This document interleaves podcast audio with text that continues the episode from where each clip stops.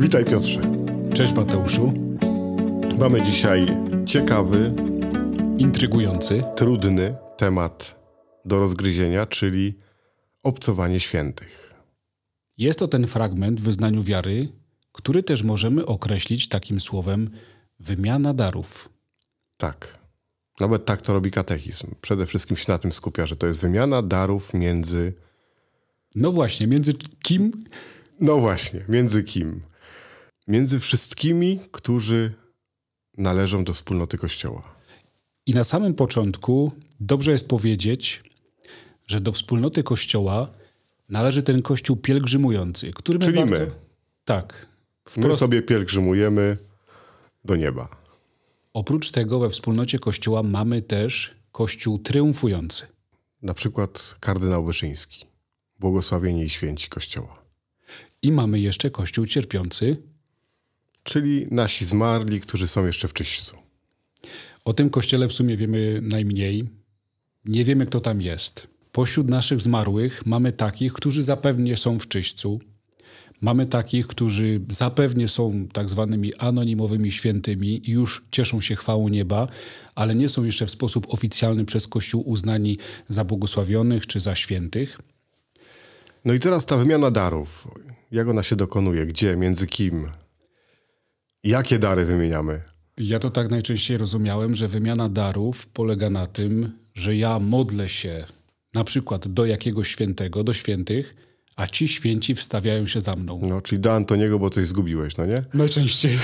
Najczęściej. No i to jest jeden wymiar. A na przykład jak się modlimy za zmarłych, żeby byli zbawieni, To modlę się dzisiaj za tego zmarłego, a jeśli on jest tym anonimowym świętym, to wstawia się za mną. Tak. A jeżeli powiedzmy z czas, nie wiem czy tam wchodzi w ogóle w grę jakaś kategoria czasu, ale jeżeli on z tego czyśćca przechodzi do nieba, wierzę w to, że on też wstawia się za mną. no a na przykład między mną a tobą wymiana darów, między wiernymi, którzy pielgrzymują, No wiem, że taka modlitwa wstawienicza istnieje, ale powiem, że nigdy nie pomyślałem o tym, odmawiając wierze w Boga i mówiąc te słowa świętych obcowanie. No i to, to jest właśnie to, bo my to bardzo często odnosimy tylko do świętych, którzy nam się od razu plasują na tej półce W kościele triumfującym. triumfującej, no nie? A tak naprawdę, jak to mówimy o świętych obcowaniu, to jest też wszystko to, co dotyczy ludzi wierzących, którzy są tutaj na ziemi. którzy są ochrzczeni. Ochrzczeni. Przecież święty Paweł świętymi nazywa wszystkich, którzy są ochrzczeni, którzy należą do Kościoła. Tak, bardzo często się tak zwraca, zaczyna listy do, do świętych Kościoła. To myśmy potem zaczęli stosować słowo święci tylko do tych w naszym rozumieniu kanonizowanych. czyli ogłoszonych przez Kościół jako święci. No ale dobra, to jakieś przykłady wymiany darów. Może jakieś takie ciekawsze. Bardzo mi utkwiła taki obraz wymiany darów z pierwszych wieków chrześcijaństwa. Pamiętasz, że na początku nie ma w ogóle powtórnej pokuty. To znaczy ludzie przyjmują chrzest i powinni już do końca swojego życia żyć jako osoby wierzące i tak jak to święty Paweł pisze, jako osoby Jako święte. święci. Ale niestety natura ludzka jest słaba i ułomna i ludzie po chrzcie popełniali grzechy. I były takie trzy najcięższe grzechy, które cię wykluczały ze wspólnoty Kościoła. To było zaparcie się wiary, to było zabójstwo, to było cudzołóstwo. Tak. I zaparcie się wiary akurat w tym czasie prześladowań było takim najczęstszym, Dość powszechne. myślę, że tak można powiedzieć. I było wielu chrześcijan, którzy po chrzcie zapierali się wiary, ale chcieli powrócić. Potem może żałowali, potem tłumaczyli, że to było tylko tak na pokaz, a tak naprawdę w sercu ja wierzę. Ja na pokaz posypałem kadzidełko przed jakimś posągiem bóstwa, ale chcę wrócić do wspólnoty Kościoła, bo widzę w tym wartość. Nie było to takie łatwe i wtedy, pamiętam z wykładów, była wypracowana taka praktyka, że żebyś ty mógł wrócić, to ktoś za ciebie musiał okazać wierność, tak to roboczo nazwę. I tym kimś byli najczęściej męczennicy, którzy z powodu wierności ponosili też śmierć, z powodu wierności Chrystusowi. Yy, I pamiętam, ktoś nam to opowiadał na wykładach, że wielu ludzi tych upadłych, oni tam się nazywali la- Lapsi. lapsi szło pod te cele, gdzie byli więzieni ci, którzy następnego dnia mieli zostać straceni za wiarę w Chrystusa i prosili, że oddaj życie za mnie. I on nawet na kartce dostawał, że ja, i tam Jan Kowalski oddaje życie za jakiegoś tam Szymona Kowalskiego innego i z takim kwitem, byśmy powiedzieli, wracali do wspólnoty Kościoła. To była, to była wymiana darów. Dokładnie. Męczeństwo kogoś po to, żebyś ty mógł być znowu we wspólnocie Kościoła, żeby Jego łaska, którą otrzymał od Chrystusa jako męczennik, przeszła na ciebie. Tak to pamiętam. No to mamy takich przykładów wiele, bo w historii Kościoła, chociażby w średniowieczu, często władcy tak robili. Jak nagrzeszył dużo, to żeby potem odpokutować, często pokutę dostawał, mógł już się spowiadać, ale pokuta trwała na przykład 100 lat. On nie był w stanie odpokutować tego. Bo dopowiem, że to się w VII wieku pojawiła wielokrotna pokuta po popełnionym grzechu i wtedy powstawały takie księgi y, penitencjarzy. Penitencjały. Penitencjały, właśnie. Które miały grzech i ile za to masz pokuty. Tak, i jak komuś, się sumowało. jak, jak, komuś zasumowało, to wyszło mu dwa razy po 100 lat, nie? Tak, jak taki władca dostał 100 lat, to co robił, żeby odpokutować przed śmiercią? Żeby nie umarł czasem nie wykonując, że tak powiem, pokuty. Brał jakiś zakon, fundował klasztor, sprowadzał zakonników, oni a oni za niego pokutowali i skracali mu ten czas pokuty. Albo można było wymienić na najsurowszą formę pokuty. Albo tak. I pamiętam, bo to czytałem niedawno, taką surową formą pokuty była pielgrzymka, gdzieś daleko, do Ziemi Świętej najczęściej. Piesza oczywiście. Tak. Czyli wymiana darów. Wymiana darów polega na tym, że ktoś za kogoś coś zrobi w kościele. Swoim postępowaniem, jakimś dobrem, które czyni, pokutą, jaką czyni, może wyprosić komuś łaskę. Działa na korzyść drugiej osoby. Tak, dokładnie. Jak przygotowywałem się do naszego spotkania, gdzieś w internecie przeczytałem taką katechezę o wymianie darów, o świętych obcowaniu. Co by święty Paweł powiedział dzisiaj, gdybyśmy go zapytali, co to jest świętych obcowanie? I jest tam odpowiedź. Zaskocz mnie. Jest odpowiedź udzielona, że święty Paweł zapewne powiedziałby, że wspólnota, w której się dobrze wiedzie, puszcza koszyczek dookoła, zbierają datki i wysyłają te datki do wspólnoty, w której się wiedzie źle. I to też jest wymiana darów. Ta wymiana darów jest na tak wielu poziomach, płaszczyznach, że mówię, pewnie byśmy tego nie wymienili wszystkiego tutaj. No i katechizm przychodzi Ważne, z pomocą. żeby odkryć takie coś, że to są takie naczynia połączone, że jeden jest połączony z drugim. I katechizm przychodzi z pomocą, ponieważ mówi, że może być komunia dóbr duchowych i wspomina też o komunii dóbr takich materialnych. No on w ogóle pokazuje to bardzo ładnie, że jest komunia sakramentów, komunia y, charyzmatów i potem nagle nie ma komunii, tylko jest wszystko wspólne. O. I to jest właśnie to, o czym ty powiedziałeś teraz, ten przykład świętego Pawła.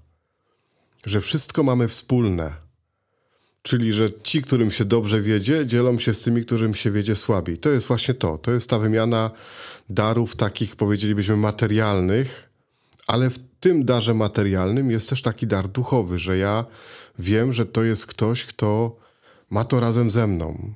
I to jest tam nawet w katechizm bardzo mocno podkreśla, że my jesteśmy zarządcą dóbr, a nie właścicielem tych materialnych. I potem jeszcze jest na koniec komunia miłości, Czyli, że cokolwiek robię, to oddziaływuje na wszystkich. Tak bardzo krótko. To czemu jest tak, że jak odmawiamy wyznanie wiary i mówimy o świętych obcowaniu, to najczęściej nam się kojarzy z tematyką listopada, z tematyką tych świąt, wszystkich świętych, wspomnienie wszystkich wiernych zmarłych. Myślę, że dlatego, że ten kościół pielgrzymujący, czyli my tutaj obecni, w taki specyficzny sposób widzimy y, potrzebę ofiarowania czegoś tym zmarłym, naszym bliskim. I stąd to się bierze, że jak słyszymy o świętych obcowaniu, to u nas się to bardzo często zamyka w takim właśnie ramach, że ja tutaj na ziemi, ktoś umarł i to są te wszystkie msze święte, które zamawiamy, wszystkie intencje, yy, modlitwy za zmarłych, to wszystko, co ma sprawić, żeby oni byli już w tym kościele triumfującym. A czy nie jest tak, że katechizm pokazuje ten, tą strukturę Kościoła, że faktycznie nadrzędna jest ten Kościół triumfujący, my jesteśmy pośrodku, a ten Kościół cierpiący, który jest powiedzmy najbardziej potrzebujący. O, to jest dobre słowo. To jest mi się na podoba. samym dole. Że to są ci najbardziej potrzebujący. No my Jesteśmy nie mamy y, wielkiej wiedzy o czyśćcu i o tych wszystkich, którzy są w tym kościele cierpiącym, ale y, no, mamy taką naukę Kościoła, która mówi wprost, że to są osoby, które potrzebują naszej pomocy, żeby dojść do zbawienia, do pełni, do tego Kościoła triumfującego. I może dlatego tak jest, że tutaj wcześniej te dobra to były często na takiej zasadzie trochę indywidualnej. No nie ja poprosiłem kogoś o modlitwę, ktoś się wstawił za kimś, ktoś komuś y, pomógł materialnie, ktoś pokutował za kogoś, żeby ten y, mógł lepiej realizować swoje chrześcijańskie życie. A tu mamy taki konkret bardzo mocny, że jest ktoś, kto beze mnie sobie nie da rady. Mhm. I jestem ja, który mogę mu pomóc zrobić coś, co jest najcenniejsze dla jego życia, czyli mieć pełnię zbawienia.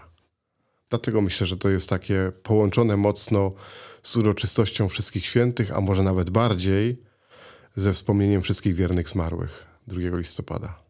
Ja to widać tu ogromną rolę tego naszego kościoła tu na ziemi. Tak, oczywiście. Przecież dlatego y, zamawiamy msze święte za zmarłych. Co roku. No oprócz tego mamy za zmarłych naszych wypominki. Wypominki, tak. Na cmentarzu modlimy się. Wspominamy wypominamy konkretnie z imienia i z nazwiska. nazwiska. Tak. Mamy wypominki roczne, że cały rok, co niedzielę przed mszami świętymi wypominamy zmarłych i otaczamy modlitwą całego kościoła, no nie, żeby się cały kościół wstawił, a jeżeli się wstawia cały kościół, to wstawiają się też święci. I wiesz co, spotykam się czasami właśnie w okresie wszystkich świętych, że ktoś zamawia wypominki i pisze na kartce za zmarłych takich a takich, za zmarłych takich i za tych zmarłych, którzy znikąd pomocy i ratunku nie mają. I zawsze wtedy jako ksiądz pamiętam, że jest to błędne zdanie. Tak. Bo my w każdej mszy świętej, jest tam taki fragment w modlitwie eucharystycznej, modlimy się za tych, którzy w Twojej łasce odeszli z tego świata i za tych, których wiarę jedynie Ty znałeś. Ty znałeś, tak. Znaczy, nie ma tak, żeby Kościół kogoś pomijał. Znaczy, Kościół jak się modli, to zawsze się modli za wszystkich zmarłych. Więc nie ma takich, którzy nie mają e, znikąd pomocy. No to ja znam wypominki i w swojej parafii, kiedy przyjeżdżam, to bardzo lubię tą modlitwę i często sam wychodzę te 10 minut przed mszą świętą do ambonki i odczytuję imiona, nazwiska zmarłych osób. Y, ten fragment tej modlitwy przeznaczony na daną mszę świętą. No jest to taka okazja, że i ja sobie kogoś przypomnę. I... Tak, bo to ma też takie znaczenie, że wspominamy sobie zmarłych, którzy są bliscy nam z parafii, z sąsiedztwa, z kimś, z kim pracowaliśmy. Już jestem w takim wieku, że zdarza się, że przeczytam kogoś zmarłego, kogo znałem i komu wiele zawdzięczam. I wtedy modlitwa jest łatwiejsza też, no nie? I też mam świadomość otrzymanych od niego darów. No, to jest na pewno piękna tradycja w kościele i taka, którą warto cały czas pielęgnować. A tam, gdzie ty duszpasterzujesz, też są wypominki? Tak, tylko się nazywają zalecki. Ciekawe, że co, zaleca się modlitwę za kogoś? No coś, szczerze mówiąc, to nie wiem skąd się wzięło takie słowo. Nie jestem w stanie powiedzieć. Pewnie by trzeba było zapytać kogoś, kto jest takim rodowitym księdzem z Śląska Cieszyńskiego. Ale no na takiej zasadzie, że chyba tak, że, że po prostu poleca się zalecki, polecanie kogoś modlitwie. Ale ja mam jeszcze inne pytanie, bo powiedzmy, że tu już mamy pięknie pokazane, y, że świętych obcowanie to jest wymiana dóbr, Y, pokazaliśmy te komunie, pokazaliśmy trzy stany w kościele, wartość tej modlitwy za zmarłych. Jak jesteś w parafii i modlisz się za tych zmarłych, to jaką modlitwą się modlisz najczęściej? Za zmarłych? No. Jaką modlitwę odmawiasz? Wieczne odpoczywanie racz zmarłym dać Panie. Tylko tyle? No taka konkretnie ze zmarłymi związana. No, ale nie chodzi mi o taką konkretną. No. no różaniec za zmarłych. Różaniec. Koronka do Bożego Miłosierdzia. Ale popatrzcie, jakby przejść po parafiach, to wszędzie jest dziesiątka różańca. Przy tych rocznych wypominkach. O? Dlaczego? Dlaczego akurat różaniec jest taką modlitwą, którą modlimy się polecając zmarłych? Wiem, do czego zmierzasz. Odkryłem. Bardzo ciekawe połączenie, no nie? Tak. Kościół w czyśćcu czerpie te dary od nas. My możemy im ofiarować. Natomiast nam dary może ofiarować ten Kościół triumfujący, czyli święci. Tak. A spośród wszystkich świętych, osobą, która. Z ikoną. To katechizm mówi pięknie, że to jest ikona. I ona może nam najwięcej wyjednać, najwięcej wyprosić już za życia ta osoba pokazywała, że stawia się za nami. szczególny jest blisko Pana Boga. To Maryja. Maryja, właśnie. To jest bardzo ciekawe, że właśnie Maryja jest tak mocno włączona i ten kult maryjny, modlitwa maryjna w modlitwę za zmarłych. I w wymianę darów. Wymianę darów, tak. I dlatego dość często możemy spotkać te określenia Maryi. Wspomożycielka, Pośredniczka łask Tu wszelkich. jest tak troszeczkę już na, naciągnięte czasem, bo jest jeden, jedyny pośrednik między Bogiem a człowiekiem, Jezus Chrystus, no nie? Więc to z tą Maryją pośredniczką to trzeba dobrze rozumieć. rozmawiałem z księdzem Markiem Studenckim na temat tego pośrednictwa i wymiany darów. No i, i w sumie żeśmy zeszli na takie pytanie, dlaczego tak jest? Czy tak musi być? Że, czy potrzebny jest jakiś pośrednik? I ksiądz Marek, no doświadczenie ma większe, zacytował y, dokument Soboru Watykańskiego II i zacytował. Po prostu Bogu się tak spodobało. Ja zauważyłem, że w ogóle Panu Bogu to się podoba, żeby człowiek miał coś do roboty. Albo żeby był w relacji z drugim Żeby człowiekiem. był w relacji z drugim człowiekiem. Ja myślę, że to jest tak, że z jednej strony się to Panu Bogu podoba, a z drugiej strony to jest coś, co się czasem nazywało w starożytnym kościele pedagogiką Bożą, no nie? Że Pan Bóg nas przez to uczy myślenia o drugim. No to jeżeli Bóg jest miłością, no to ten moment w wyznaniu wiary o obcowaniu świętych wezwanie do miłości. i wezwanie do, takiego, do takiej walki z egoizmem. Tak, o dokładnie, dokładnie. To mi się podoba. A Maria jest tego najlepszym przykładem. Katechizm ładnie podpowiada, że ona jest tą pierwszą w pielgrzymce wiary, którą my staramy się naśladować. Staramy się naśladować, tak. W ogóle święci to są ci, którzy nam pokazują, że można taki pułap zdobyć.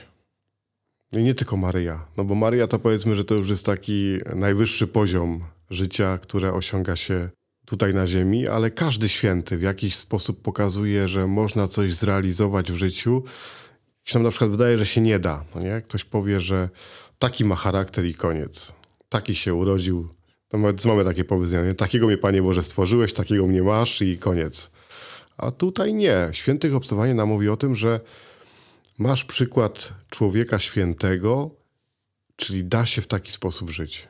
To też jest wymiana darów. Przykład to też jest uczenie się, no nie? To też jest coś, co można między sobą wymieniać. Tutaj skojarzyłem takie sformułowanie, które często ksiądz biskup powtarza, a zaczerpnął od Jana Pawła II, że sanktuaria, kalwaria zebrzydowska, Jan Paweł II to powiedział odnośnie kalwarii, że to jest rezerwuar łaski. Tak. Że tam ludzie przychodzą, modlą się, zostawiają tę modlitwę w intencji kogoś, a my wchodzimy w ich przykład, ich przykład pobożności, modlitwy, też się tym budujemy. No, my tu nie mówimy o sanktuariach, ale i w ogóle o miejscach, ale to też pokazuje, że są miejsca, które są przesiąknięte świętością, modlitwą ludzi, no nie? Taką właśnie otwartością na dzielenie się darów, że człowiek wchodzi w to i nawet nie ma świadomości tego, że otrzymuje dary, które ktoś tutaj już wcześniej zostawił w modlitwie. To tak jak nasza modlitwa na cmentarzu. Mi się wydaje, że ja się tylko modlę za mojego zmarłego, a tak naprawdę ja siebie też wybijam z egoizmu, prowadzę do świętości. No, dokładnie. To też warto pomyśleć, jak teraz pójdziemy na groby 1 listopada i, i przez kolejne dni, że to jest też taka dla nas szkoła zapominania o sobie trochę. Kto by pomyślał, że wymiana darów to tak ciekawy temat? Nie skomentuję, ale myślę, że warto, warto sobie to przemyśleć. Dobry czas przed nami, 1 listopada, kiedy będziemy mogli o tym naprawdę tak intensywnie, może nawet na cmentarzu pomyśleć. Dzięki za dzisiejszą rozmowę. Do zobaczenia za Ja tydzień. Tobie również dziękuję. Widzimy się, słyszymy się.